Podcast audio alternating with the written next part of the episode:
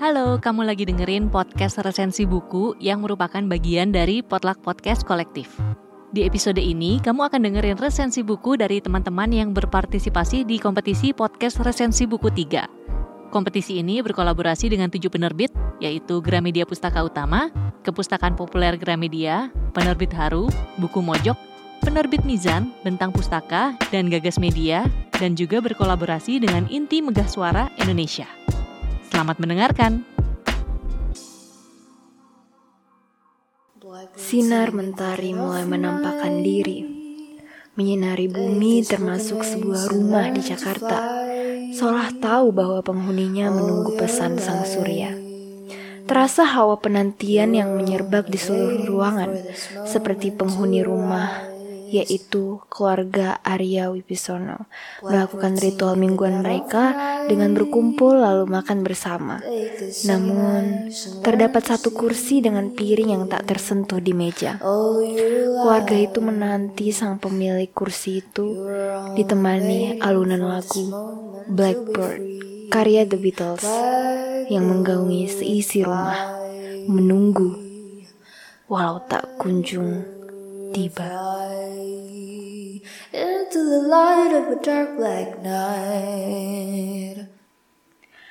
Laut bercerita karya Bu Lela Eskudori diterbitkan pertama kali pada Oktober 2017 oleh penerbit Kepustakaan Populer Gramedia Jakarta dengan 373 halaman yang rasanya tuh kayak 100 halaman aja menurutku pribadi.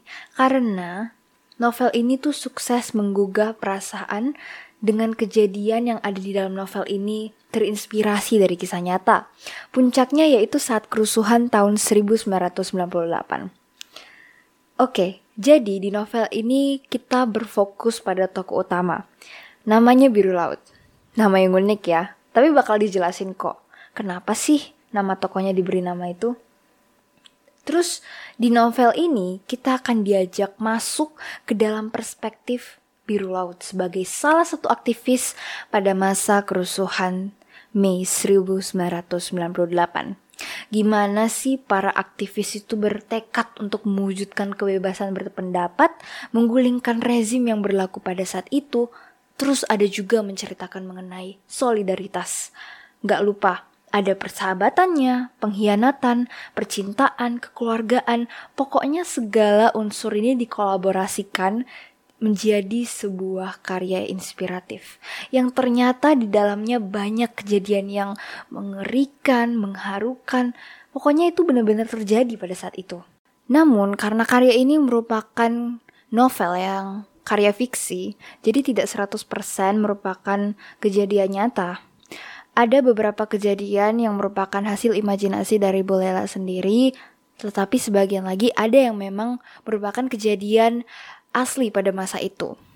Lalu, perspektif yang disediakan juga nggak hanya dari aktivis, tapi juga dari keluarga aktivis. Jujur, pada saat masuk ke perspektif keluarga aktivis, dalam cerita ini Asmara Jati yang merupakan adik dari Biru Laut.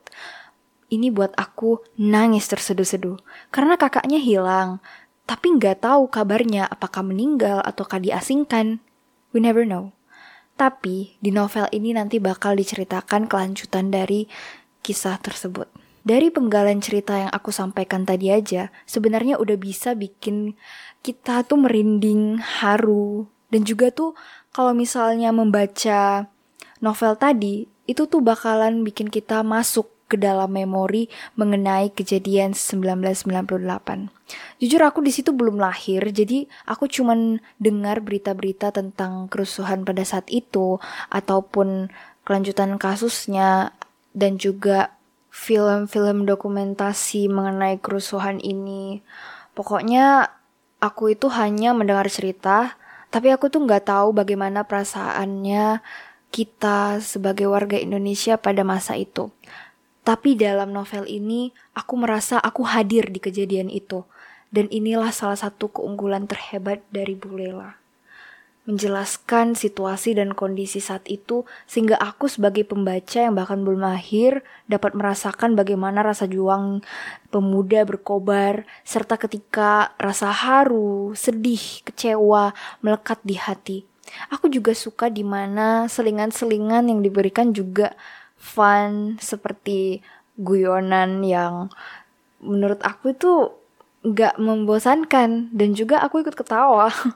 Terus ada juga deskripsi makanan yang buat perut keroncongan.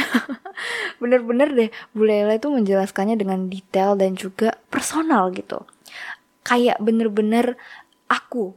Karena di sini memakai perspektif sudut pandang orang pertama. Jadi pakai aku. Dan aku merasa kalau biru laut itu aku. Makanya aku bilang tadi Bu Lela itu pandai sekali menempatkan kita ke dalam cerita itu. Aku seperti masuk ke dalam cerita itu.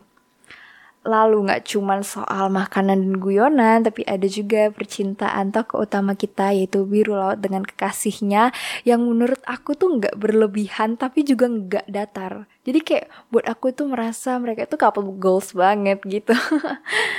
Terus sebenarnya nih ya, aku tuh kurang suka sama pelajaran sejarah. Makanya dengan selingan-selingan tadi membuat aku tuh nggak bosan, terus juga cerita yang disampaikan itu menarik sekali dan juga membuat wawasanku bertambah dari sejarah yang disampaikan tapi dalam kemasan yang unik. Terus like I've mentioned before, pas baca perspektif keluarga aktivis, air mataku tuh terus ngalir dan juga aku tuh takjub sama ketabahan dan semangat keluarga tentang anak, kakak, suami mereka yang hilang. Padahal itu tuh betul-betul menyedihkan sekali ya, karena kita nggak tahu bagaimana kondisi keluarga kita. Dan itu benar-benar terjadi karena pada kerusuhan 1998 ada beberapa aktivis pemuda Indonesia yang hilang sampai sekarang dan belum ada kabarnya. Gara-gara baca laut bercerita, aku semakin menggali mengenai kerusuhan 1998. Dan ternyata dalam interview Bu Lela dengan Menjadi Manusia, disampaikan bahwa Bu Lela itu mendeskripsikan sedetail itu.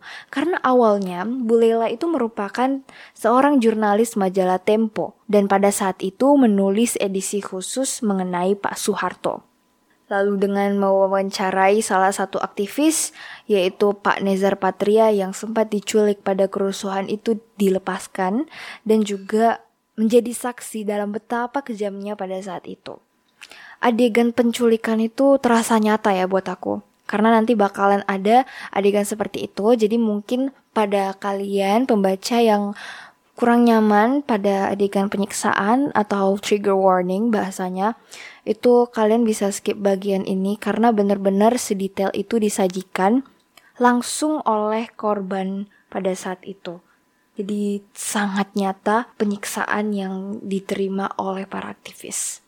Lalu ternyata Bu Lela juga sudah mempersiapkan untuk meriset mengenai kasus ini dari tahun 2008, yaitu saat menulis edisi khusus tadi, lalu akhirnya diterbitkan pada tahun 2017.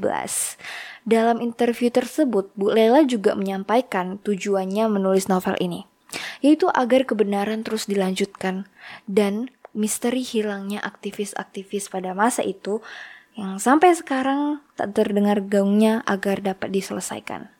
Tentunya dengan segudang kelebihan yang buatku cinta sama novel ini, ada kekurangan yang mengganjal, yaitu tidak adanya footnote atau penjelasan mendalam mengenai istilah di novel ini yang biasa kita temui di bagian bawah novel. Tapi gara-gara itu aku jadi mencari lebih banyak istilah tadi di Google. Tapi nggak apa-apa, aku jadinya lebih memahami dan juga menjadi lebih paham. Tapi menurut aku tetap lebih baik ada footnote di bawahnya. Jadi kita tahu maksud si penulis itu pengertian yang mana karena di Google kan banyak pendapat juga, banyak sumber jadi kita tidak tahu maksud dari penulis itu pengertian yang mana. Begitu sih kalau menurut aku untuk kekurangannya. Seperti yang aku bilang, laut bercerita tuh bakalan ngena di hatiku sih untuk waktu yang lama. Karena cara penyampaian ceritanya itu personal, Terus keindahan kepenulisannya itu buat aku terpana. Kesan dan amanat yang disampaikan terus melekat denganku. Yang aku harap juga bakalan melekat di hati kalian.